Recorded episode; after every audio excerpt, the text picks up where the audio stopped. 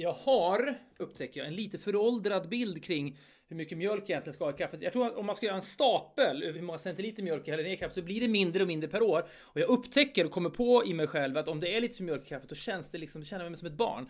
Så att det ska vara fränare och fränare och mer och mer garvsyra som ska ner för att den här kroppen ska rossla. Ah, resan går mot snutkaffe. Re Det det. resan går mot snutkaffe. Vi är denna vecka sponsrade av Finnair och vi pratade i förra veckan om klass och service, något man verkligen uppskattar när man flyger och det får man ju då hos Finnair. Låt oss Fredrik lyfta fram Finnairs app som underlättar resandet redan från bokningen. Den fyller ju då i all info automatiskt när man bokar. Perfekt och när man reser mycket och det första du ser i appen det är check-in. Kanske det viktigaste då innan resan. Sen har du dina digitala boardingkort i mobilen och behöver du addera en väska, välja säte eller kanske ändra något i bokningen så gör du det i appen och slipper kontakta kundservice. Man kan bara föreställa sig vilken tid man sitter i de här telefonköerna. Det här är enkelt, smidigt och tidseffektivt. De är otroligt duktiga på att hela tiden förbättra upplevelsen under resan. Vi säger därför stort tack till Finnair! Vi är denna vecka sponsrade av Blocket och låt oss, kan verka lite dystopiskt men tycker ändå det funkar, prata om dödsbädden. Vi kommer ju alla ligga där en dag och reflektera över våra liv och vi kommer då ångra många saker. Eh, bland annat att vi inte köpte den där drömbilen som fanns i våra tankar under så många år. Ja, men kanske den där opraktiska sportbilen då som var en dröm från barnsben. Sen blir man vuxen med barn och så får man inte köpa en sån där bil. Men man skulle fan bara ha gjort det så att man inte ångrar det när man ligger där då. För på Blocket finns då bilar för alla med Sveriges största utbud av bilar till salu från privatpersoner som såväl bilhandlare. Gå in på blocket.se slash bilar och köp drömbilen på Blocket. Vänta inte så kan man då bocka av den på dödsbädden i alla fall. Det tackar vi Blocket för. Vi är denna vecka sponsrade av DPJ Workspace. Eh, det är ju din partner då för kontorsmöbler och inredning sedan 1995. Köper du en stol eller ett bord eller vad det nu kan vara i år, 2024 alltså, så har du garanti till och med 2034. Vilket innebär, Fredrik, hur många års garanti då? Det är 10 års garanti, det är ett decennium. Kan man säga något annat än att de vet att det är hög kvalitet på sina grejer? De har otroligt mycket snygga och bra produkter. Allt ifrån snygga designstolar till belysning och loungemöbler. Alltså ett komplett utbud, helt enkelt med riktigt schyssta grejer. De ska hålla länge, det ska vara snyggt och det ska funka bra för alla typer av behov som finns. Och har man funnits sedan 1995 som DPJ har gjort så kan man sannoliken sin grej. Gå in på dpj.se och läs mer. Vi säger stort tack till DPJ Workspace. Vi har ett betalt samarbete med Syn nikotinpåsar och det här meddelandet riktar sig till dig som är över 25 år och redan använder nikotinprodukter. Syn innehåller nikotin som ett mycket beroendeframkallande ämne. Syn kommer i olika smaker, styrkor och format och nu lanserar Syn en helt ny smak inom mint. Syn Slim Cool Frost som har en tydlig smak av kylande pepparmint och mentol. En långsmal helvit prilla och enligt 90% av 366 vuxna konsumenter har den en långvarig smak. Läs mer på nikoniko.com och klicka in på syn. Glöm inte att slänga din tomma dosa i plaståtervinningen. Vi säger stort tack till syn.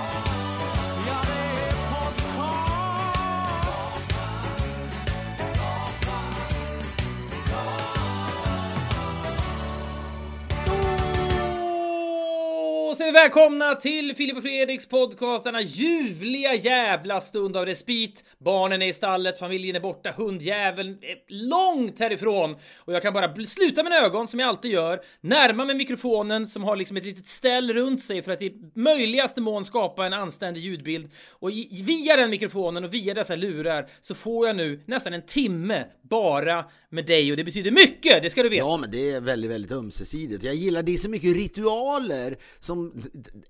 såklart ganska ointressanta och fullständigt irrelevanta för våra då lyssnare. Saker som händer sekunderna innan vi börjar spela in.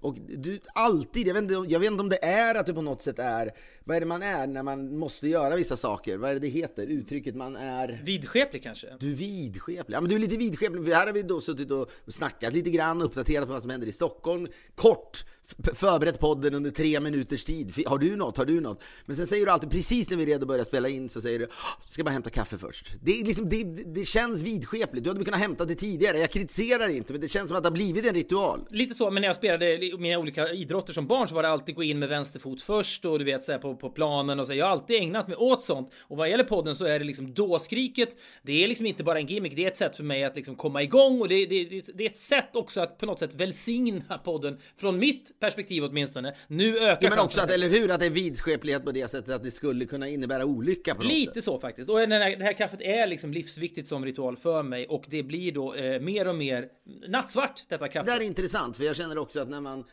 Ibland så har eh, att barnen dricker mjölk så är det slut på mjölk på morgonen och så har jag gjort mina åtta koppar jag alltid gör så för att även då mina föräldrar ska kunna dricka när de kommer ner på morgonen. Är kärlek Är du en sån person som alltså mäter upp åtta koppar? För det är ett av mina få karaktärsdrag där jag liksom är en liten höftare. Jag är extremt... Du är vårdslös. Ja men jag är vårdslös. Alltså, om jag skulle mot förmodan skulle laga mat eller följa... Jag skulle liksom följa recept till punkt och till pricka. Men när det gäller kaffe så vräker jag liksom... Och det är i och för sig samma sak med tvättmedel i tvättmaskinen inser jag. De där skoporna där man liksom ska göra strukna mått och så vidare. Det har för länge sedan spelat ut sin roll för mig. Kanske känner jag mig levande då i ett rätt så inrutat liv. Att jag då får höfta ner lite kaffe, höfta ner lite tvättmedel. Och så känner jag att det finns improvisationsförmåga. Är jag lite av en jazzmusiker trots allt? Är jag Miles Davis här vid diskmaskin, tvättmaskinen? Eller är du precis som Bill Evans som jag sitter och tänker på? Eh, annan jazzmusiker som fan jag börjat lyssna på på sistone. Jag ska inte ens prata om att jag behöver lyssna på jazz. Nej, det får du du- kommer bara garva åt det. Jag vet det. Tyvärr, förlåt. Tänk att jag har så jävla dåligt självförtroende. Nej, men det är väl kul att du börjar lyssna på jazz, men det, ja. Jo men gentemot dig så har jag dåligt självförtroende. Det är nästan som jag går och tänker Fan det är så jävla härligt att börja lyssna på Bill Evans som rullar vinyler hemma. Så tänker jag, ja det skulle jag väl berätta om för Fredrik, tipsa om Bill Evans. Men jag vågar liksom inte. ja, men vad fan, det vågar du visst det! Och så sitter du med liksom Emil Persson från Fördomspodden och liksom skriver lite frågor till så skrockas det åt mig, givetvis. Så är Ja. Emil, är- Emil är producent i Alla mot alla ska jag klargöra så det är inte så att vi skriver frågor till Fördomspodden. Men du, jag tror att du har du, lite så här uppblåst paranoia kring sättet det snackas skit om det. Du nämnde tidigare till mig bara så här, jaha, snackas det skit om mig nu för att jag har skaffat hund eller? Nej, folk kan väl bara unna dig saker också. Ja, men det, det som är intressant med det här är dels finns det ju en, en narcissism från min sida, att jag, att jag ens Ja, tror... minst sagt. Men minst sagt, vad fan det är klart vi pratar om varandra, så är det. Men lite narcissism är det. Men jag, ni är ju också två, tillsammans blir ni ganska syrliga. Jag och Emil, ja, möjligen. Ja. Då bara känner jag att skulle jag skicka liksom en skärmdump på Bill Evans-skivan till dig så här, måste lyssna. Ja, du vill ändå visa det för Emil. Den skulle gå vidare, skulle gå vidare till Emil på 10 sekunder. Ja, ja, och då skulle det ändå garvas lite grann. Och jag kan leva med det, men jag, jag, säger bara att jag har ett, ett självförtroende som... Det, Kört det, det, i botten! Ja, men jag, jag, på många sätt har jag ju inte det och jag känner mig trygg i det. Men gentemot dig så har jag så här, om jag ska dra iväg en rekommendation, ja då måste det vara något som, som, som det inte ska skrattas åt, som du och Emil inte ska skrocka åt. Det, Ja, det, Emil blir en väldigt potent symbol här, men det finns ju andra människor också. Det kan du ju... Jo, jo, men han är absolut, men han är väl ändå, han just nu är ju han din skrockarkompis. Han är, han är liksom den first responder pratar man om i liksom när man är ambulanspersonal och sånt där. Jag vill också poängtera detta, för det kan ju låta som att ni sitter och skrockar åt, åt vilka och vem som helst, men det är ju folk som klarar av att bli skrott. Ja, men det känns ändå lite viktigt att det inte är en massa annat så här, människor som kanske har det tufft som ni skrott, skrockar åt. Men mig, det finns ju en, det är, det är liksom någon slags per automatik skrockning som ligger latent i era kroppar. Ja men vad tycker du själv då om att jag, orkar du prata om att gillar Bill Evans eller tycker du att det är lite lustigt och lite... Alltså, sanningen är att jag aldrig någonsin har hört talas om denne Bill Evans. Så du, du får gärna sälja in honom med två meningar som då gör mig nyfiken, förutom att det är bra musik. Framförallt, tänk också på att vi spelar in en podcast nu. Det här är inte du som sitter och slöpratar med mig. Vi har ju enorma krav på oss själva när det gäller att leverera innehåll som känns spänstigt och innehållsrikt. Ja, men han är, ska man säga, en global Jan Johansson som vi gjorde den här jazz på svenska. Han är fenomenal brutal och improvisatorisk. Han eh, spelade med många, med Miles Davis, men också med Monica Zetterlund så gjorde han ju en platta som är ikonisk idag och sen knarkade han väldigt mycket. var det glidmedlet som kom sist där? Ja. Monica Zetterlund var liksom lite halvglidmedel. Det kändes, det räcker liksom inte för- för Fredrik. Jag slänger in, han knarkade mycket. Frågan är om det biter lika bra på Fredrik idag som det hade bitit för 15 år sedan. Jag vet inte. Jag har också skickat två stycken sms till er. Dels att jag tycker Gomorra är liksom ett totalt mästerverk. Jag har inte sett filmen, men jag ser serien och sitter och känner så här. Äh, nu lägger jag ner alla tankar på att skriva drama. Det är omöjligt. Och för, där inkluderar jag ju dig i mina tankar också. Jag tänker, äh, det där klarar vi inte av. Det är för bra. Vi är inte tillräckligt bra för att göra det där. Punkt slut. Har du sett Nej Gomorra men eller? fan, jag rekommenderar väl saker till dig. Så här ser vänskap ut. Man skickar liksom rekommendationer till varandra. Ja men, men, ja, men då drog jag iväg Gomorra, lite mer självförtroende för jag tänker det där borde du titta på. Och det finns liksom inga trösklar där. Det är en italiensk serie på Netflix, det borde du kunna hacka i dig. Italien är en liten tröskel. Skitsamma, jag borde se. Men vet jag tycker att det är, det är ångest, tycker jag, många gånger när man konsumerar populärkultur. Det är inte ångest att se The Last Dance, tredje veckan vi pratar om den, eller fjärde. För den är i grunden, den är ju lite av en besvikelse. Den är, den är snabbt ihoprafsad och det är bara lite, det man gillar är liksom roliga arkivare. Men det är tröskellöst, det är liksom ett, det är som ett glatt parkettgolv. Man liksom bara glider fram, det är helt nybonat och så åker man fram där och så är det bara trevligt och sen vet man att det kommer ta slut. Det I... är som när du, för jag kommer ihåg när du rekommenderade för mig, för ibland är det ju trösklar. Du rekommenderade då The Act of Killing för mig som är en dokumentär som gjord av en dansk-amerikan, tror jag. Joshua Oppenheimer. Ja, precis. som Den handlar då om, den här rekommenderar jag till alla människor på hela jorden. Eh, men den handlar då om en, en, att han åker till Indonesien som i sig för svenskar är ett ganska så här, Tröskel. Ja, det är tröskel och det är någonting vi vet väldigt lite om. ett, det är en dansk-amerikan som har gjort en dokumentär. Det är två trösklar i sig. Det är dansk-amerikan är en tröskel, dokumentär är en tröskel.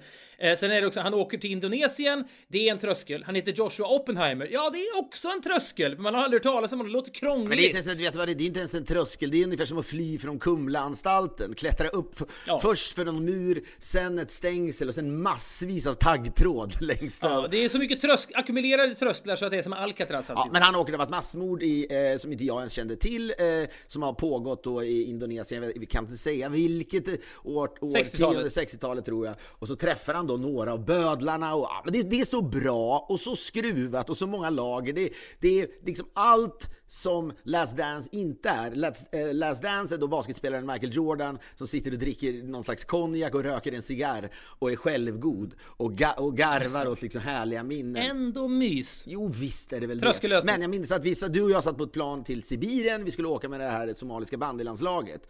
Och du liksom tjatade på mig. Mm. Och jag till slut då ser den. Ja, och det, det, det är också en sån här knäckande upplevelse, för man känner, nej, det där är jag inte kapabel till. Det där kan jag inte. Så bra är jag inte. Samtidigt som man då kan badda sig själv med att tänka, vadå, om jag la tio år på ett projekt kanske det också skulle bli ganska bra. Ja, men Joshua Oppenheimers podcast skulle säkert inte vara så jävla svängig heller kanske. Nej men han la inte liksom, han la väl tio år på att lära sig indonesiska. Alltså det är så jävla absurt och sjukt på alla möjliga sätt. Men då med Gomorra menar jag bara att det är genom åren, jag kommer ihåg, jag tipsade om The Wire i flera år. Ja, då krävdes det att du fick något jävla mess av Fredrik Strage eller någonting för att du skulle titta på det. Vad fan pratar du om nu? Ja, det var, Jag det såg var någon annan som tipsade om det och sen är du liksom glömsk nog att skicka till mig Har du hört talas om The Wire? Vilken bra serie!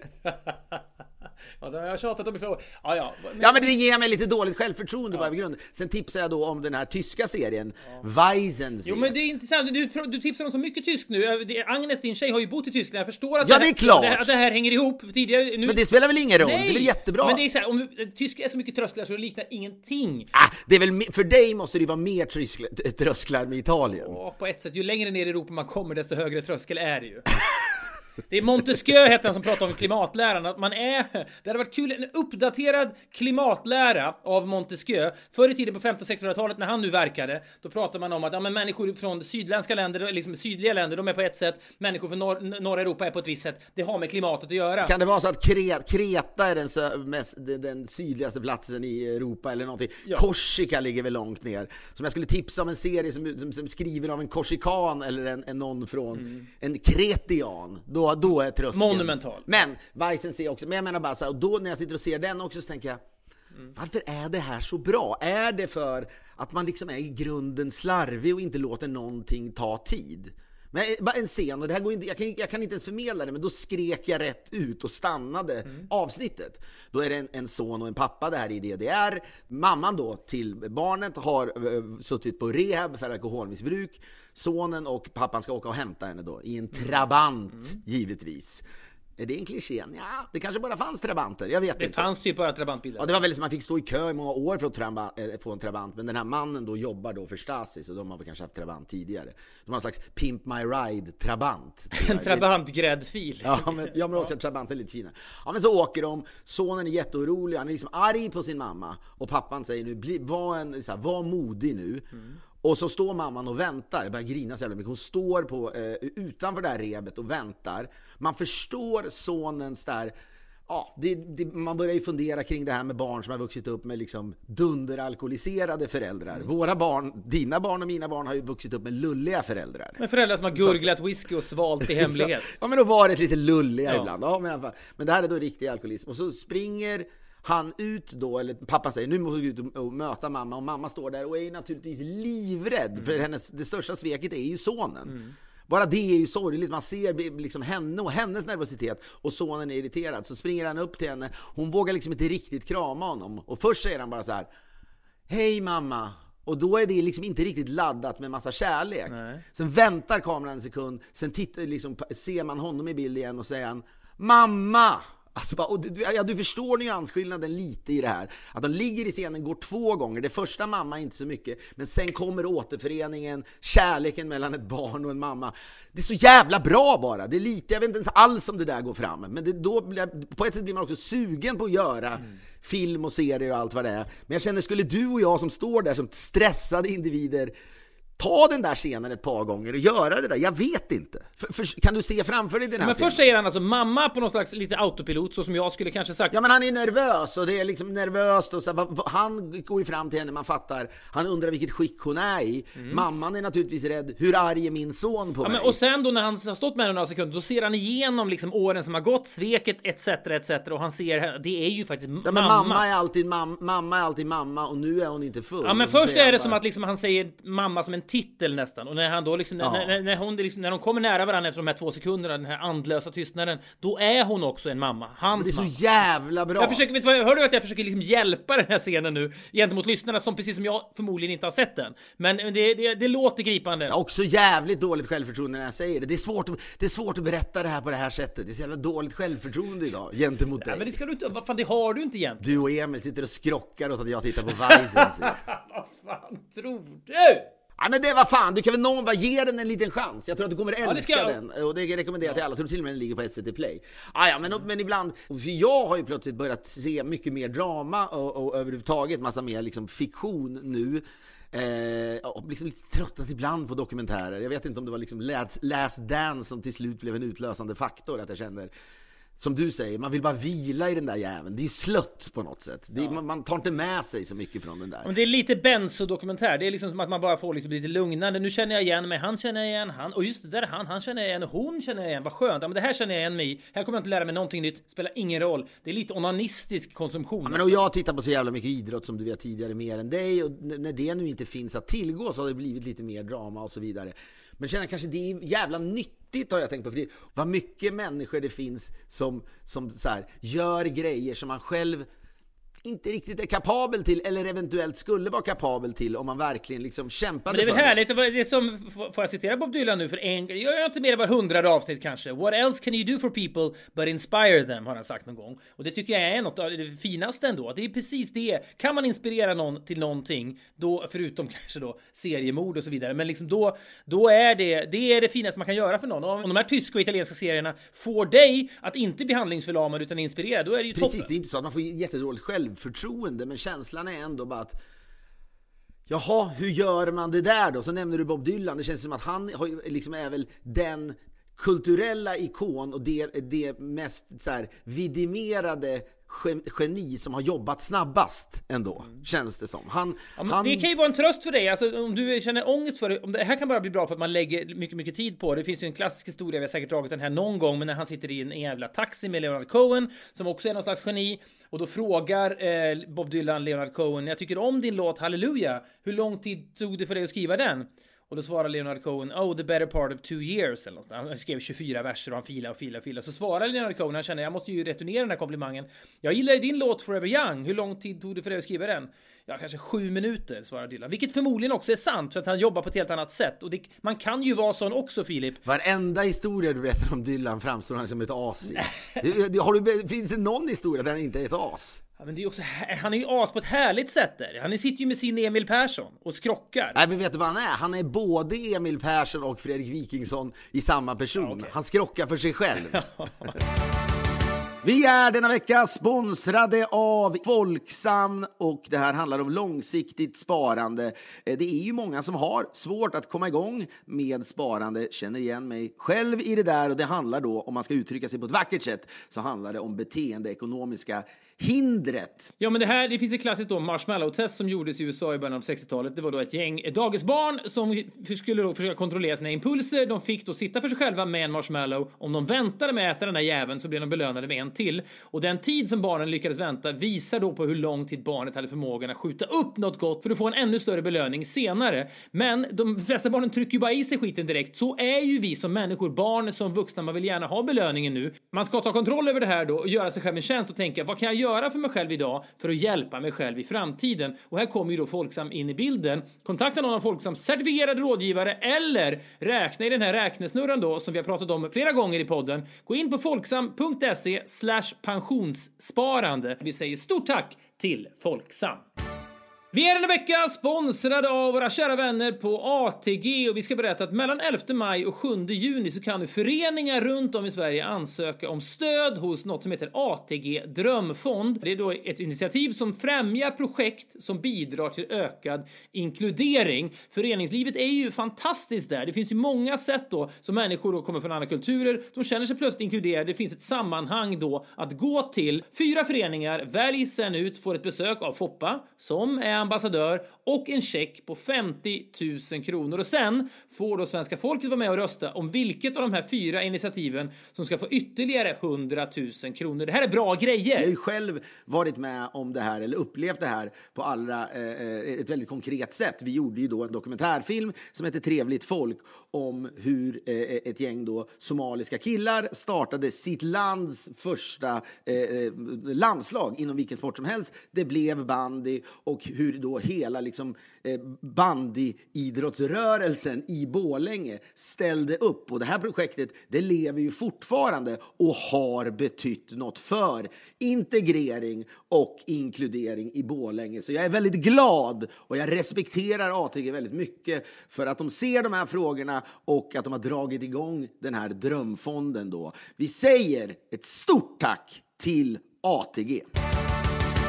Den här känslan av frustration dock, som dyker upp när man ser saker och ting. Och jag antar att du, även du kan känna igen dig i en frustration av helvete vad bra. Både, man blir både inspirerad och frustrerad eftersom du och jag ändå opererar i någon slags innehållsvärld. Så när man då, jag, jag, blir, jag blir ju inte lika så här frustrerad om jag ser en eh, men låt säga en Tegnell, om man känner helvete vad smart han är, så är det inte nedslående på det där sättet att det där borde jag också lägga ner tid på. Det är för sent att bli epidemiolog. Så är det, Det får, bara. ja, det är, det är tur att du inser det. Men när jag ser Gomorran, när jag ser Weisen se, när jag hör den här historien om då Bob Dylan. För det Leonard Cohen säger, det är bara tragiskt att han har hållit på att jobba i två år med en låt. Ja, ja, fast det är också ett mästerverk. Han är så jävla medveten om att det är coolt att säga det. Är han den största posören musikvärlden har haft? Kanske. Leonard Cohen? Ja. Jag vet, det finns ett otroligt klipp från någon turné tidigt 70-tal när han har tagit LSD på någon konsert och sen så vill publiken inte att han ska gå hem. Han har gått av scenen. Han är klar. Konserten är över, men publiken de vägrar liksom acceptera det och de fortsätter bara applådera liksom kanske i 30 minuter och så sitter han och gråter backstage för att han är både hög på LSD och lite liksom omtumlad av det säkerligen. Och nej, men folk, nej, men de köper inte att du inte går ut igen. De köper inte det. Och så går han ut igen och de där tårarna backstage, då vet han om att det är ett kamerateam i logen givetvis. Oj, vad han vet det! Ja, men han är också hög på LSD så han kanske också är lite snurrig ju. Det är inte så, ja, jag vet inte, men det är, det är visst är han en posör, men det är det många Han som... är också en människa som om ni hade varit jämngamla och liksom gått på efterfester i Stockholm i början av 2000-talet då är det en sån människa som ständigt hade brädat dig. Du hade hatat honom. För att han liksom var lite, lite Alltså- coolare. Så, ni hade båda haft med er gitarrerna, Gud. ni hade slagits om gitarren. Och, eller ni hade inte slagits om gitarren. Han hade på håll suttit och, se, suttit och tittat på dig när du sjöng Angie för någon tjej. Och suttit med sin Emil Persson och skrockat innan han sen då tog gitarren. Jo, men det är ju en bisarr, helt jävla löjlig jämförelse. Jag har väl aldrig utgett mig för att vara i när... Jag, han skriver ju men egna jag, låtar. Jo, jo, men jag menar mer det här poserandet som då kan vara väldigt eh, gångbart. På en, du var ju liksom oposerande för du bara skrek rätt ut. Körde över folk, tvingade dem att lyssna på din... Dina, di- och inte, all, inte sällan då Angel of Rolling Stones Mm. eller den här Stefan Sundström-låten du alltid spelar. Någon Näktergalen. Mäktig, ja, den är jättefin. Vi avslutar podden med den tycker jag. Den är så Den jävla... spelade du alltid. Jag lärde mig plocka den på gitarr. Jag tyckte det var så jävla effektivt. Jag tänkte, genom att jag kan plocka den här på gitarr och liksom spela lite fingerspel och inte bara hamra ackord, då kommer det framstå som att jag är en ekvilibrist på ett sätt som de andra låtarna inte tillåter riktigt. Ja, och så kommer du att framstå som oemotståndlig i kvinnornas ögon. Så var det inte alltid. Men apropå, nej, men så säger jag är ju inte frustrerad när jag, när jag ser människor som är väldigt kompe- kompetenta inom Nej, ett område jag aldrig skulle eh, så här, ens få för mig att gravitera mot. Sen finns en annan typ av frustration. Det här är, det, det är märkligt det här också. Dåligt självförtroende? Ja. Men så här, jag, jag såg, och det här var, det var några dagar sedan, kanske några veckor sedan till och med, tog en skärmdump från DNs hemsida. Mhm. Där jag hade signat upp mig för DN, det står på DN. Är det, är det lagligt att ta skärmdumpar från DNs hemsida? Va? Nej, jag skojar. Att det skulle vara någon slags fildelning som Peter Wolodarski skulle kunna reagera på. Det var ett skämt. Ja, nej men, men alltså så signar jag upp. Vet du, vad, vet du vad jag är ganska bra på? Jag är fan bra på att lura människor att jag är allvarlig när jag inte är allvarlig. Det där trodde du på. Jag har ett bra tonläge. Det är det enda skådespeleriet jag är kapabel till. Ja, men en viss typ. Du, du skulle nog kanske, du, du borde liksom lett något program. Blåsningen hade du varit bra på. Ja, det hade jag fan gjort ganska bra. Men då, då tar jag en skärmdump på det jag tycker är den bästa lookaliken jag har sett i hela mitt liv. Okej. Och då har ju både du och jag ägnat en hel del tid åt att försöka hitta lookalikes. Men du har, alltid, du har varit väldigt duktig på det, måste jag säga. Det, det lägger jag mig helt om, du är bra på, om du är bra på att blåsa folk, håll med om att jag är ganska bra på lookalikes. Det må- ger dig till 100%. Alltså att du har dåligt självförtroende går du in i den här anekdoten med. Överraskar mig då eftersom du, har, du är så duktig på det. Ja, men det är det jag ska komma till. Jag vet, varför, jag vet precis varför jag har dåligt självförtroende. För du kan vara då eh, ganska kategorisk i din bedömning av något jag säger. För det här hade jag velat gjort till innehåll i den här podden. Men jag vet att när jag nu berättar om vad det är för typ av lookalike så vet du vad jag gör nu? Jag skickar över den här bilden till dig så ska du själv få se. Ja, okej. Jag tror att du kommer se vem jag tycker att den här människan är lik. Jag drar över den nu så får du... Ja, Okej. Då har du fått den ännu. Vänta en sekund bara. Så... ska- Ser du vem det där är? En look... Vi vet vad jag ser precis innan här. Du har precis nu fått ett mail bara. Också lustigt. Satt idag och lunchade på en restaurang där Anders Tegnell dök upp. Tänkte mig att han skulle gå för något vegetariskt alternativ, men det såg ut att bli charkpizzan. Oväntat nog, säger den här Filip som har mailat in. Tycker jag är lite intressant på något sätt att Oj, det finns en bild oj, oj, hos oj, allmänheten. oj. Apropå lookalikes och auror lite grann. Ja, men att man utgår från att han är någon slags eh, vegan då eller något Oj, oj, men det där är ju där, där, där kliver ju jag in med min expertis. Absolut, ja men sådär, vad, he- vad heter han som skrev det här mejlet till oss? Han heter Filip lustigt nog. Fan vad tacksam man är och det är nästan nu mer än någonsin så tycker jag det kommer jävligt bra klipp och man uppmärksammas på saker och ting. Bland annat fick jag då idag som jag helt hade missat, eller om det var igår, att den här Double Rainbow-mannen som du och jag träffade när vi var i Yosemite, han 2010 tror jag det var, så eh, la han ut ett klipp när han då blir helt golvad. Han kanske också är hög på LSD, vad vet jag, åtminstone på gräs. Men när han då eh, sitter i sitt, sitt mobile home i Yosemite som är vackert, blickar ut över någon liksom slags äng eller någon skog och så plötsligt tornar då två stycken regnbågar upp sig. En double rainbow, precis. Ja, jag visste inte att det var så jävla unikt, men han skriker och It's so bright! What does it mean? Och sen hade, jag tror, det var väl bara åtta, jag läste någonstans att det var 800, liksom, 800 eh, eh, tittningar när då Jimmy Kimmel får den där klippet skickat till sig av någon kompis. Och ja, rätt vad det är så är det liksom 50 miljoner människor som har sett det. Och den här Paul L. Vasquez blir en super kändis och vi hälsade bland annat på honom i... Vi hälsade ju på honom då och det var ju, han var ju en fin person och det, vi ska väl liksom inte sitta här och vara helt bestörta över sorg. Han gick ju bort i, jag tror han gick bort i covid för att han skaffade det och tänkte, han gick ut och sa jag tänker inte söka hjälp, det finns andra som behöver det mer än jag. Så, men, ja, han var väl en enstöring Ja, liksom. och det som var underliggande sjukdomar och hit och dit ska jag inte säga någonting om. Men när, vid en viss punkt, punkt i livet gick han då upp 200 pounds, vilket är ju ja. 100 kilo. Typ 100 Men kilo. jag vill bara säga det, nu hade han gått ner 180 pounds för att han då skulle bli en, eller ha blivit då, någon slags liksom, MMA-utövare. Gått en match. Och det finns ju något Okej. tragiskt i det naturligtvis, att hur han ska klamra sig fast i rampljuset kanske. Eh, och jag vet inte om det kan ha spelat in. Låt oss, ja, låt oss hoppas det kanske, eftersom man hela tiden Ja, men det var ju, det var ju fint att träffa honom. Men jag träffade en person som helt går all in på den typen av livsstil som han gjorde. Och sen eh, för er som har sett det här avsnittet av La Bamba som det hette. Jag tror att det var episod 7 kanske. Meningen med livet tror jag. Meningen med livet skulle vi utforska och då han var en sån person som hade, tyckte sig ha hittat det. Vi åkte och besökte honom. Det var ett lite sladdrigt avsnitt tror jag. Markus Krunegård tror jag var inslagsproducent den gången. Det kanske bidrog till sladdrigheten, vad vet jag? Eh, Men eh, då fick du också då en haschkaka av denne Double Rainbow-man som du sen lurade i mig precis innan vi skulle in på ett silent retreat. Och det här klippet blir vi påminna om då och då för att jag eh, trycker i mig den här kakan vet ju på riktigt då inte vad det är. Jag tror att det är en vanlig brownie. Jag behöver lite socker. Då säger jag har du något mer? Och då säger du nej, du ska nog inte ha något mer. Jag fick nämligen det där av eh, Double Rainbow-mannen.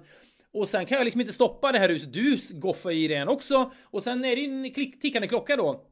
Vi måste träffa en familj som har ett silent retreat. Vi kommer inom kort att bli väldigt, väldigt höga. Vi är ovana, både du, både du och jag, på såna här edibles som det här är då.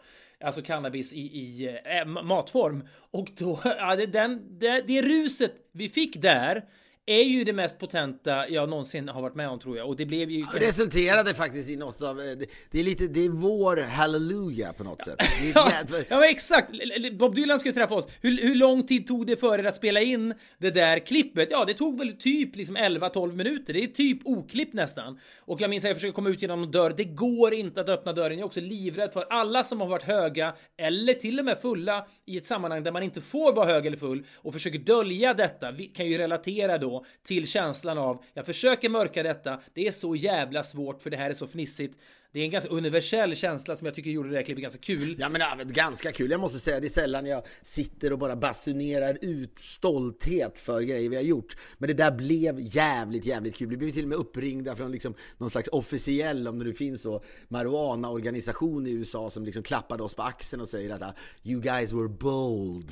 Men jag, de frågar också om vi vill bli någon slags sponsorer för detta i Sverige. Så det är inte riktigt, det är inte det klimatet i Sverige överhuvudtaget. Men jag minns också när inspelningen var slut. Vi fick faktiskt ett mail bara för någon vecka sedan av någon lyssnare som sa kan ni inte berätta om den här liksom haschkaka-incidenten på ett silent retreat? Vad, hur mådde ni efteråt och så vidare? Och jag minns bara då, det här framgår ju inte av inslaget, att du skulle flyga någonstans till Las Vegas eller något och gå på någon fest och jag och teamet, det här säger jag inte för att jag gillar att understryka att jag hänger med teamet, men vi bilade då från det här silent Fan så det låter ändå. till- Jag åker till Vegas direkt från en inspelningsplats och du bilar med teamet. Visst. Ja men det är också något här, du flyger hög till Vegas då, men att jag sitter i bilen med teamet och det som händer är att vi bilar då i sex timmar från det här norra Kalifornien ner till Los Angeles där min familj väntar och det gäller då att nyktra till lagom till att jag träffar barnen. Men då lyssnar jag då, tvingar lyssna bilen på R. Kelly-låten The Storm Is Over. Jag tror att det är sex timmar i rad. Alltså den var på repeat i sex timmar för den låten gjorde mig trygg då på något jävla sätt och den är ju också magisk. Men jag ska, jag ska bara säga, jag ska återkomma till lookalike, jag ska återkomma till allt med det jag sa att vi uppskattar verkligen. Det är så, det här har vi sagt kanske varje vecka i tio år, men det är så jävla härligt när folk skickar in små, eh, det kan vara trivia, det kan vara länkar, det kan vara liksom... Tegnell-sightings och så vidare. Ja, och så vidare. Va? Och och det var då någon som skrev bland Och ni annat- mejlar alltid till podcastatpoddff. Ja, och det var någon som då hade skrivit då om Paul L. Vasquez som dog då, Double Rainbow-mannen. Och även då som du refererar till en Filip som skriver att han hade sett Tegnell på en pizzeria. Det i sig särskiljer honom, tror jag, från andra statsepidemiologer, om jag får tillåter mig själv att vara så fördomsfull. Men då skriver den här killen att han hade förväntat sig, det är jätte, jag uppskattar som fan att Filip skickar det här mejlet, men han skriver då att han hade förväntat sig att Tegnell skulle beställa någon slags vegopizza. Ja, men det, det är som att han tror att Tegnell och, och Greta Thunberg, jag tror att många människor kanske då liksom de här två ikoniska figurerna som har kommit från ingenstans blivit väldigt, väldigt, väldigt, väldigt kända i, i världen till och med, framförallt Greta såklart, men Tegnell i någon mån eftersom han är en symbol för den svenska metoden. Men det är liksom inte samma person, det är inte samma skola överhuvudtaget det här. Jag hade aldrig gissat på vegopizza. Tvärtom, det här är en man som när han kommer hem sent på kvällen öppnar kylen, liksom sliter upp ett paket med, med prickig korv och bara vräker i sig prickig korv. Ja, verkligen. Vissa så läkare och sånt är väl jättehypokondriska naturligtvis och lever perfekt.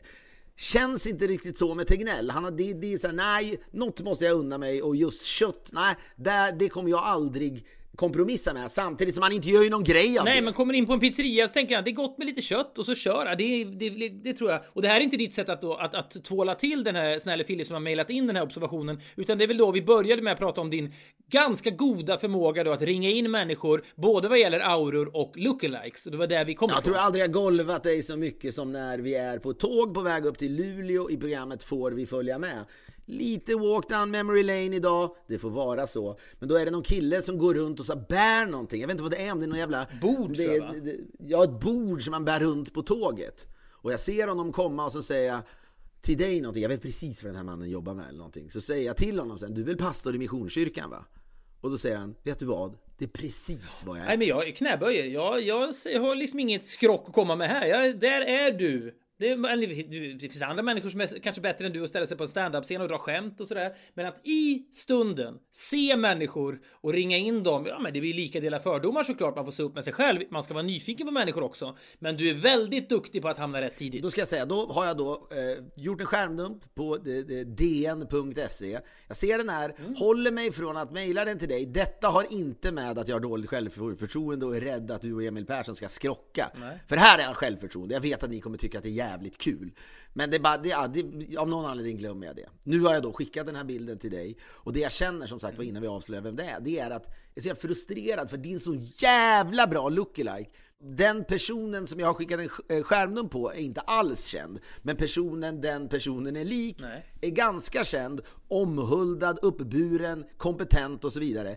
Men han är liksom inte tillräckligt känd hos de breda folkmassorna för att jag ska kunna göra en grej av det. Nej, jag förstår. Du upptäcker någonting som i din värld är av yttersta kvalitet. Det är 5 plus. Det är liksom... Men det är golvande! Det är golvande. Och du känner då en frustration. Du mår väldigt dåligt om jag tolkar det rätt. För det går inte riktigt att göra någonting av det här för en annan publik än typ dig och mig. Så här är det liksom, det om vi hade gjort, och du kanske vi närmar oss vem det är, hade det varit julfest på Sveriges Television och du och jag hade hyrts in för ett företagsgig för att då, för att skrocka. Ja, men vet du vad? Jag förstår precis vad du vill. Jag har sett den här skärmen. Du, du har skickat den till mig. Jag förstår vem den här personen är lik. Vi ska säga först. det- Tycker du att det är en bra lookalike? Alltså jag var tvungen att kolla tre gånger för att den personen som är då en, en så att säga vanlis på bilden, det är en rektor på en skola i Skurup som då eh, har stängts av och det handlar om slöja i skolan och slöjförbud och hit och dit sådär. Han heter då Mattias Lidholm. Skurup är väl ett, ett, ett, liksom ett, ett, ett samhälle präglat av en viss Sverigedemokraterna, typ av... absolut. Ja. Ja. Han har då ifrågasatt det här slöjförbudet då i skånska Skurup och när han gör det så blir han liksom bortforcerad från skolan har det snackats om. Så han har varit lite i ropet. Jag vet vad, jag har ju sett lite bilder på honom. Jag har läst artiklar om honom. Jag har inte riktigt tänkt på detta. Du kan ha sett den här artikeln, du, har, du, har ju, du är väl ändå inne på DN.se? Jag antar att du var inne på DN.se den dagen då den här bilden Jag publicerades. är väldigt mycket av en papperstidningsmänniska, ska du veta. Morgon, den rutinen är viktig för mig, att få den där. Pappa behöver gömma sig bakom en papperssköld på morgonen så att barnen inte kan rucka. Den här bilden fanns garanterat i DNs pappersupplaga Ja, också. och den har gått mig förbi och det är därför jag uppskattar vänskapen med dig så mycket. För när jag ser den här nu via dig, skärmdumpad och övermejlad. Håller du med? Jag vill hävda att det är en av de tre bästa lookalikesen jag hittat i mitt liv. Ja, ja, den är otrolig. Men vet du vad? Det betyder ingenting. Jag förstår, jag förstår din frustration. Ja, men det, är det, det var ju därför, ja men där kommer också mitt dåliga självförtroende in för jag tänkte ah, det där kan jag inte ta upp, det är Nej, en men sak. här, det, det, ja, självförtroende hit och det spränger. Det som är intressant här tycker jag, i något slags halvgenerellt perspektiv, det är liksom när man springer in i någonting som har hög, hög kvalitet. Det är av yppersta kvalitet Yppersta. inom, inom en, en, en specifik humorgenre. Men det, men det går inte säga. att göra någonting av det. Det är så här. Håller du med om det? Ja, men jag förstår, jag förstår din frustration till 100%. Jag vet inte vad det är för typ av innehåll i podcasten egentligen. På ett sätt är det kanske intressant. För det- ska jag säga då vem jag tror att den här personen är lik? Du tror väl inte ens, eller hur? Nej, jag vet, jag förstår. Att rektorn Mattias Lidholm är, på den bilden du har skickat till mig nu, han är, han är Jan Helin. Han är då SVT-chefen Jan Elin, tidigare chefredaktör på Aftonbladet. Och bara när jag säger det så märker jag liksom hur du oktanet kroknar. men jag kroknar, oktanet på den här podcasten liksom sjunker några snäpp, några procent. För jag vet, men det, det är inte ett namn som är gångbart för lookalikes. Det är inte intressant att någon är lik honom. Du pratar om SVTs personalfest. Knappt där skulle det vara intressant. Och det säger Ah, någonting. lite skratt hade det rivi- rivit ner tror jag. Lite skratt hade Jo, rivit men det är kombinationen, den här rektorn då som kämpar på med sin grej. Han är lik Jan Helin. Det är inte klokt vad lik Ja, han men är I Jan Helin. dessa tider, man hade velat människor som är i ropet, inte vet jag, man hade hittat en människa som är lik Pernilla Wahlgren eller du vet nå- någon annan människa som är stor just nu, absolut. Tegnell Vet du vad? givetvis. Ja, det här är ett fynd som det inte går att göra någonting med. Vi är denna vecka sponsrade av våra vänner på Tradera, Sveriges största cirkulära marknad. Vi har ju många gånger pratat om vår kärlek till Tradera, som är äkta. Så är det. Det är något fantastiskt med det här äh, äh, att man kan då man kan sälja grejer och man kan köpa grejer. Så man bidrar ju till en värld som på sikt då blir lite bättre. Det är klimatvänligt att surfa runt på Tradera och välja att köpa grejer Men där. det är också, jag vill verkligen jag vill klargöra detta. Det är också väldigt kul att göra detta. Allt, all den här duktigheten som finns i- omkring en blir ju lite mindre intressant om den inte också är härlig, om det finns liksom ett, något kul med Du har, Fredrik, får jag säga det? Du har förändrats i grunden. Men det har jag verkligen och det tackar jag verkligen Tradera för. Vi säger stort tack till Tradera. Vi är denna vecka sponsrade av Fodora som alltid finns där för dig. Det är ju väldigt, väldigt speciella tider nu då som alla vet och det är krångligt att gå på restauranger. Ska man göra det? Ska man inte göra det? Känns lite osäkert. Samtidigt vill man ju då stötta restauranger. Det är också jävligt gott med restaurangmat. Den smidigaste lösningen är ju att beställa hem mat från restauranger och stöttar man restaurangbranschen man får den här goda maten och man får dem via appen Fodora. Ja, jag ska säga, det, det är ju det där, det är många branscher som lider nu och man tycker ju synd om alla och det kan vara lite så här besvärligt att bara lyfta fram restaurangbranschen, men samtidigt är det ju så. Fan, livet har utspelat sig på restauranger. Man har träffat kompisar man, äh, man där. Du och jag har kommit på filmidéer och tv-idéer där. Man har träffat kvinnor där. Allting har utspelat sig där, nästan. Och därför vill man ju verkligen stötta dem och se till att de finns kvar när det här jävla viruset inte finns längre. Ladda ner appen och beställ det du är sugen på. Har du inte använt Foodora eller online-pizza tidigare så får du 75 kronor i rabatt på din första beställning med koden Filip och Fredrik som ett ord. Den är giltig till och med 6 juni 2020, nationaldagen. Vi säger stort tack till Foodora! Det finns ju inget värde i det här fyndet. Det är som den här, du vet, det, det finns någon dokumentär återigen som jag ändå tyckte var ganska bra om ett gammalt par på Manhattan som var lärare tror jag, men i alla år gick runt på eh, massa vernissager och upptäckte då konstnärer i ett väldigt tidigt skede av deras karriärer. Och när de sen dog så visade det sig att de hade ju liksom en samling som var värd kanske en miljard eftersom de hade köpt eh, tavlor så tidigt med sina lärarlöner så att säga. Och den, den, där, den där känslan av att här, ha hittat något som borde vara värt miljarder. Det är alltså just för att det är av yppersta kvalitet. Det här ringar in när det liksom lookalikes är som bäst. Det är liksom eh, separated at birth nivå på det här, eller hur? Ja men Separated Bird... Men det finns inga pengar i Det var det. tidningen Spy som var först med, i New York på 80-talet som var först, tror jag, med lookalikes som ett fast återkommande moment. De kallade det då separated at birth, det vill säga det här är tvillingar. De bara gled ifrån varandra på BB. De vet inte ens om att de är tvillingar, men ser ni vad lika de är varandra? Det är klart att de var separated at Vet birth. du vad som kom sen? Efter Separated Birth, vilk, vet du vilken tidning som sen publicerade Lookalike som du och jag var oerhört fascinerade Var av? det lika som bär? Nej, den kom också. Det var tidningen Loaded, som var liksom så här, en tidning som idag Ah, jag vet, den hade ju varit så bespottad så att ja, det går inte att förstå, men det var en så kallad... Väldigt grabbig. Det var en grabbtidning från England, det var ju nästan bortom grabbig. Nej, Den var ju nästan, den var, ja, det var nästan kvinnohatare. Jag vet att en av våra kompisar, Kiki Norman, Mm. var det inte så att hon ställde någon på en presskonferens, nu, hon är i journalisthögskolan med dig, nu, nu driver hon tror jag en, eh, en tidning som heter Daisy Beauty eller någonting. Om skönhet, ja, precis. Ja, skönhet. Men hon ställer någon fråga, chefredaktören hette James Brown, var det, får jag fråga, var det taget eller? Ja, kanske faktiskt. Ja, men han var ju en galning. Utöver att han liksom skrev öppet om kvinnor och objektifierade kvinnor så hade de väl någon lista också över så här, världens bäst klädda, mä- klädda män. Ja, och han lät då liksom, jag tror Rudolf Hess vann, den gamle nazisten. Va? Ja, vilket i England då, det är ju typ av 40 år efter andra världskriget. Massa men det här var ju på 90-talet så att var, folk blev ju galna. Jag tror att han fick avgå faktiskt av det. Det var liksom... Norman då, för det var så stort så att han kom till, den var liksom så stor så att han höll någon slags presskonferens. Det var väl så här, du vet, tidningsutgivarnas dag eller någon sån här konferens. Han var inbjuden som Exakt, publicist. Loaded, in, Loadeds chefredaktör och publicist chefredaktör flygs in då som ett exempel på media i tiden. Han är coolast på hela den här konferensen. Det är, säger, det är lite som att vara Greklands bästa bandylag, det vill säga det är inte speciellt mycket coola Men det är liksom för, det, det, är före jämställdhetsfrågor på något sätt var riktigt mycket på tapeten i Sverige Ja, ändå. ja, men så väl han säga. satt där som en slags total ett S i leken helt enkelt. Och Kikki är där. Jag minns inte exakt vilken typ av fråga hon ställde. Hon ställde en ganska sån där bra fråga om bara... Lite kritisk va? Lite kritisk. Kanske var hon lite kritisk till Loadeds kvinnosyn. Jag vet inte. Kikki är inte så politisk. Jag vet inte vad det var för fråga. Men då stirrade han bara på henne länge innan han svarade. Och så sa han bara You're a woman, aren't you? Vilket... Och sen hade han inget mer att säga. Det är så jävla märkligt och grisigt. Det är inte bara märkligt, det är så grisigt. Tänk att svara det idag. Nej, det hade inte flytt. Och det är intressant ändå när man, när man tänker så här tidsspann. Är det där 20 år sedan kanske? Ja, det är nog 25 år sedan. Ja, det är så länge sedan. Men skitsamma, men hur, hur, att det där var möjligt att säga. Att James Brown vågade säga det. För jag tror inte att han hade vågat säga det idag.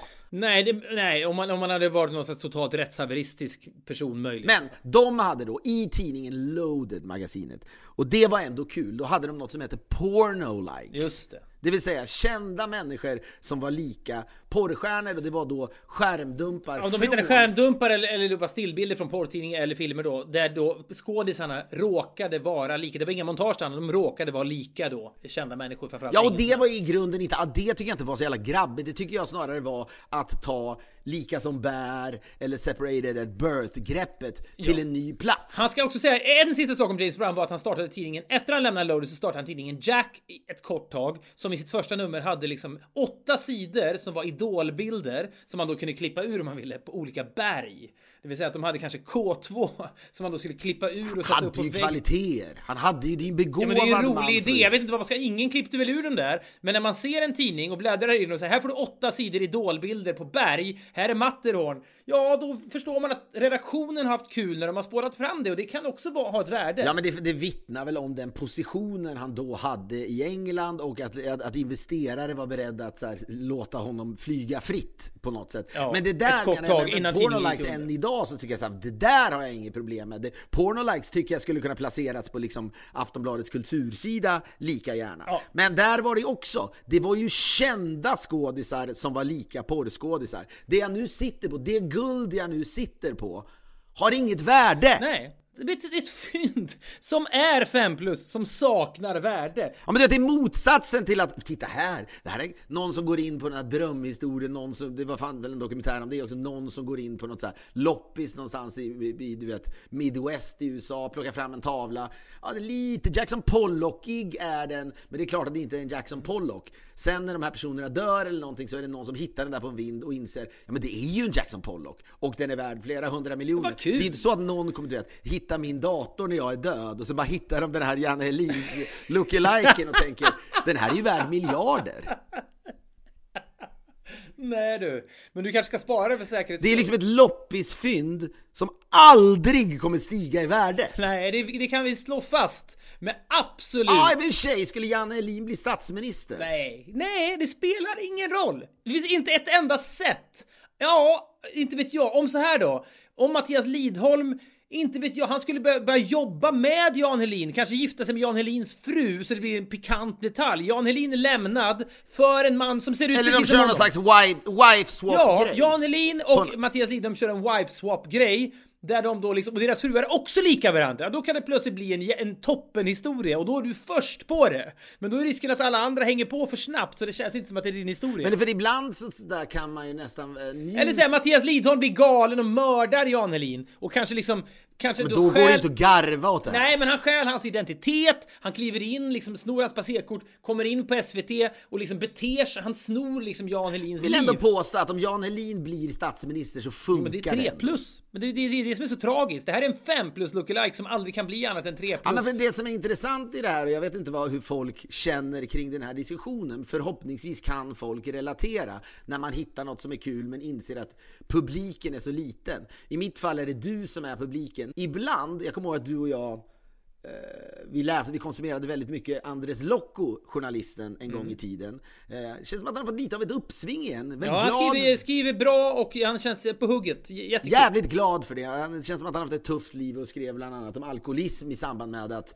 eh, eh, P.O. Enquist dog. Väldigt Ja, synd att den artikeln var låst för den orkar jag inte skaffa. Jag har fortfarande inte läst den. Oj, oj, oj, det tycker jag är fan sorgligt. Att du pallar säga det. Ja, jag, det jag vet, men det är inte snålhet, det är bara så för jävla jobb. Jag, fan, hur många trösklar ska jag behöva stå ut med i livet? Ska du liksom mässa Locko och säga jag, kan, orkar inte låsa upp den där men jag vill läsa den ändå. Du, jag var så nära att skicka något DM på Twitter till honom om just detta. Har du den i Word-format? Jag orkar inte betala. Jag läste den, jag tyckte den var fantastisk. Jag, ja, jag blev helt lycklig, det känns som att han hade ett jävla tufft, tufft liv på många sätt. Det är många som har haft, men vi, han låg oss så väldigt varmt om hjärtat och på något sätt, ja men inte fan, formade ett intresse för populärkulturell journalistik, tror jag. Var här- Sannerligen. Någon slags idol kan man väl ändå säga att han var, en kort period. Tveklöst. Du gjorde väl för fan, gjorde inte du en C-uppsats som- där han var med, typ, på Journalisthögskolan? Jag gjorde en C-uppsats där massa, massa sådana här journalister, Jan Gradvall, Per Bjurman, du hela det där gänget, Madeleine Levi tror jag kan ha varit med också. Det var massa människor då, så jag, det var mitt enda sätt då att då komma in i smeten, att få träffa alla de här coola människorna när jag då var 21 år gammal.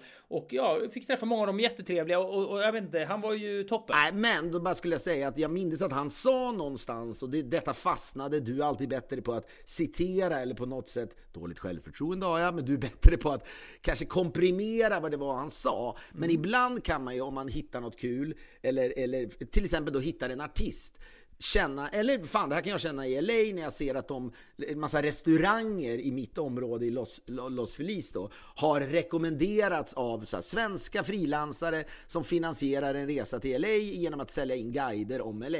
Fair enough, sånt har vi också gjort. Men när jag då ser att mina stamställen är rekommenderade där så får jag lite ångest. För jag känner det där är mina ställen. Och på samma sätt vet jag att Locko pratade om någon artist.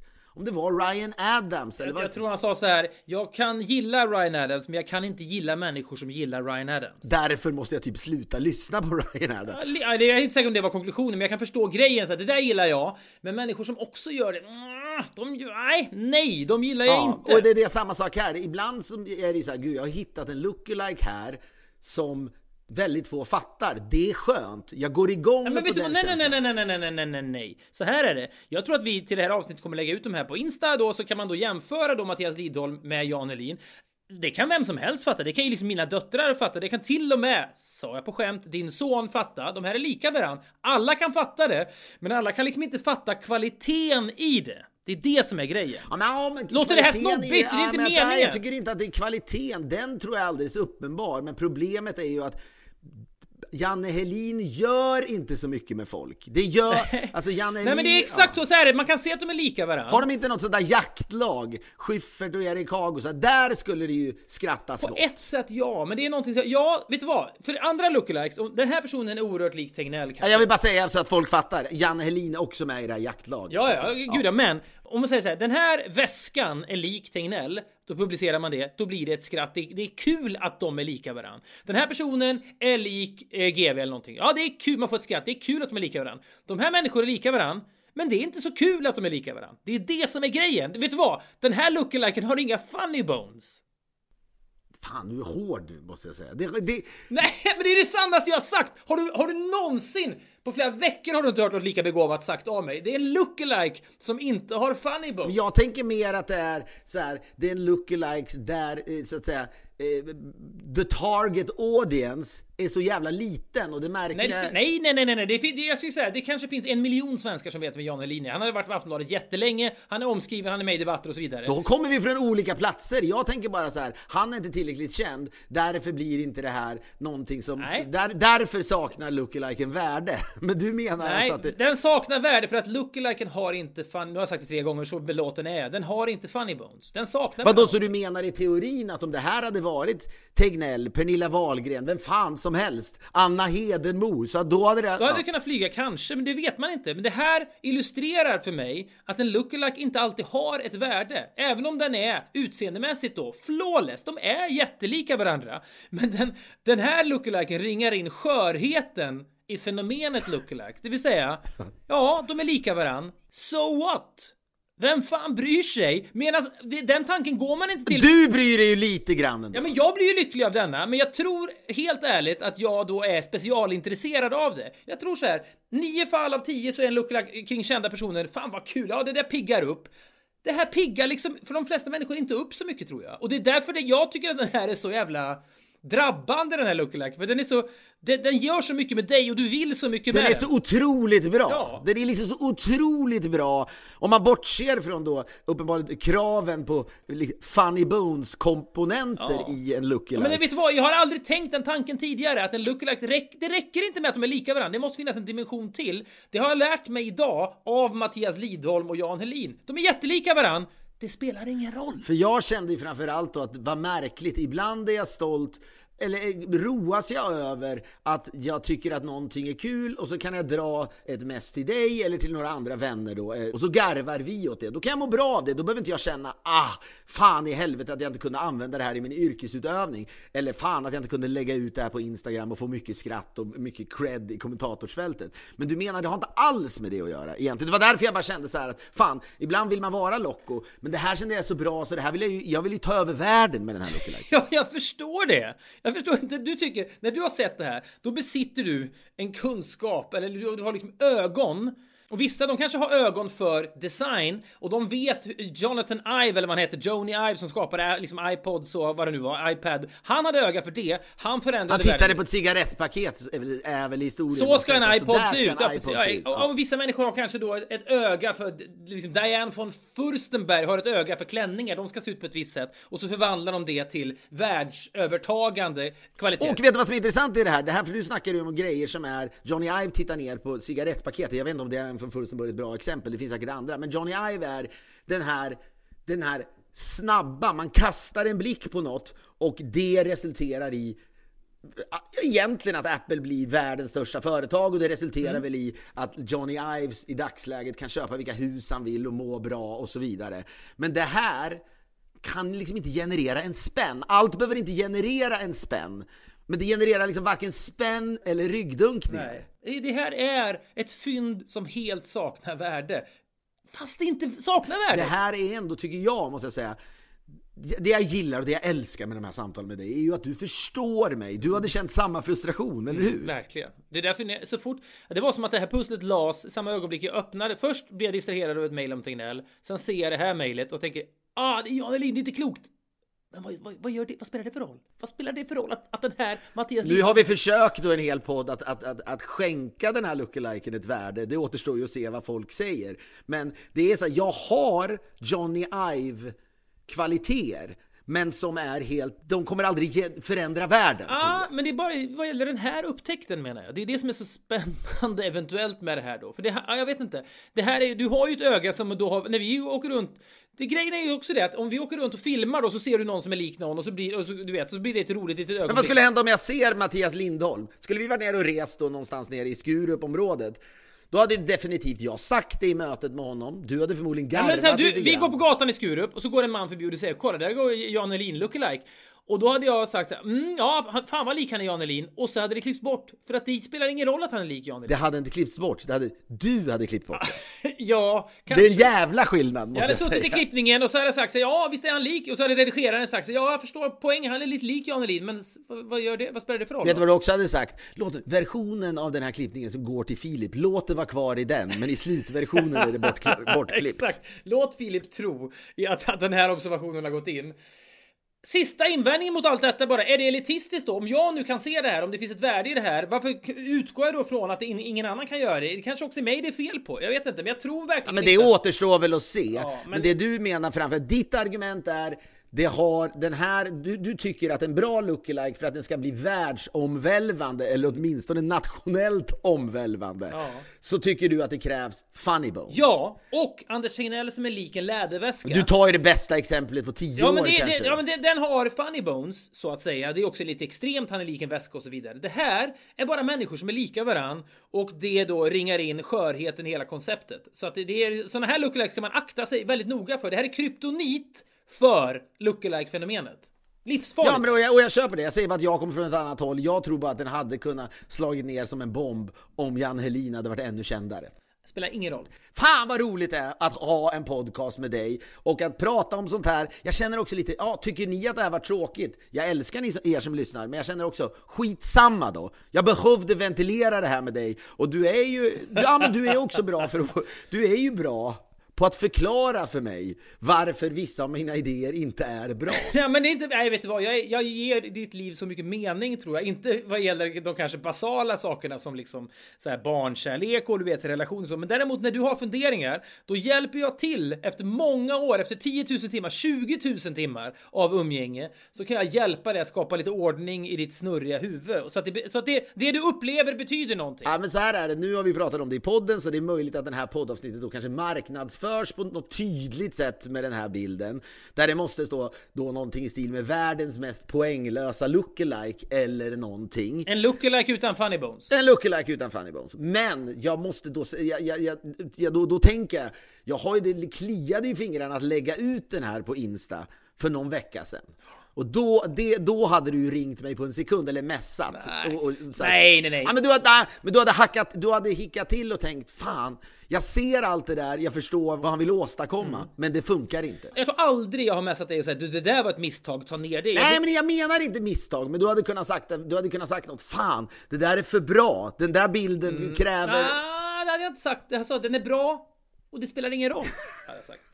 Ja, men du förstår vad jag menar. Den är bra, men det spelar ingen roll. Eh, hörni, jag ska bara säga här också att vi fortsätter att trumma på med vårt eh, lilla, vårt lilla, det är inte en filmad podd som vi eh, sänder måndag till torsdag på Dplay, det, som kanske lite mer är en reflektion av tiderna vi lever i, dessa märkliga tider. Det handlar absolut inte bara om Corona, eller som du nu som har blivit lite snobbig märker allt oftare säger Covid. Jag vet inte hur Nej, det är, det är ett misstag, men det är ändå det man. Det är väl det man som är sjukdomen. Det andra är vi. Ja, ja, ja. Men skitsamma, du har börjat säga covid lite. Men det är inte bara det vi avhandlar, utan det är ju ganska, skulle jag vilja påstå, härliga samtal. Och om man vill se det där ska man signa upp sig då på Dplay och då får man två veckors gratis tittande. Men vi trummar på med det måndag till torsdag. Titta gärna på detta. 21.30, det är jävla mysigt. Ta hand om er hörni, det är så glädjande att ni fortfarande efter snart på dagen 10 år, när just faktiskt Jan Elin då gav oss uppdraget, att, eller gav oss uppdraget, han accepterade vårt Är förslag. det det som kan göra den här bra? När vi väl är ute på vägarna igen, när du och jag gör en livepodd, vilket jag hoppas vi gör någon gång, då kanske det här är backdropen. Nej. Visst. Hej då! Hej då!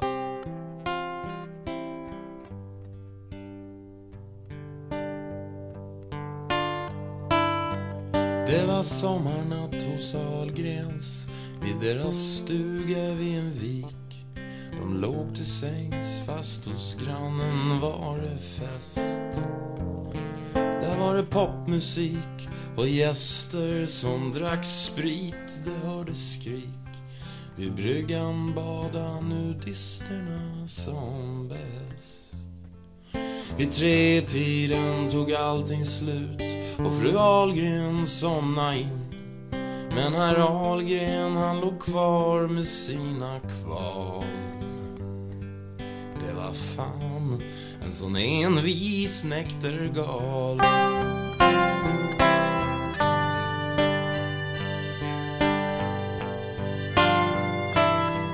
Gick ut och satte sig på bryggan under näktergalens sång. Och bryggan den var fortfarande blöt. Där var det avtryck av en kvinnas kropp som legat där rak lång. Över sjön kom morgondimman som en rök. Men han gick in och la sig. Det blev kallt att sitta still. Och är man gammal så kan kyla vara fatal. Snäktergal.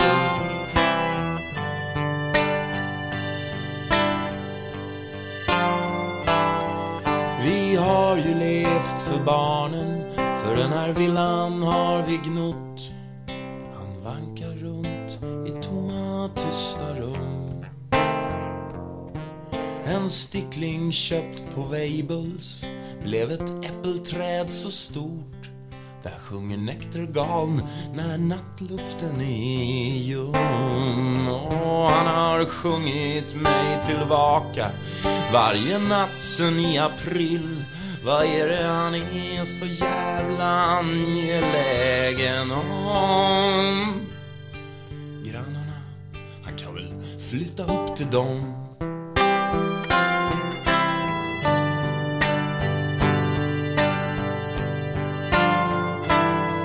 Och på morgonen låg trädet ner med grenarna i sjön. Och av vågor rördes löven som av vind.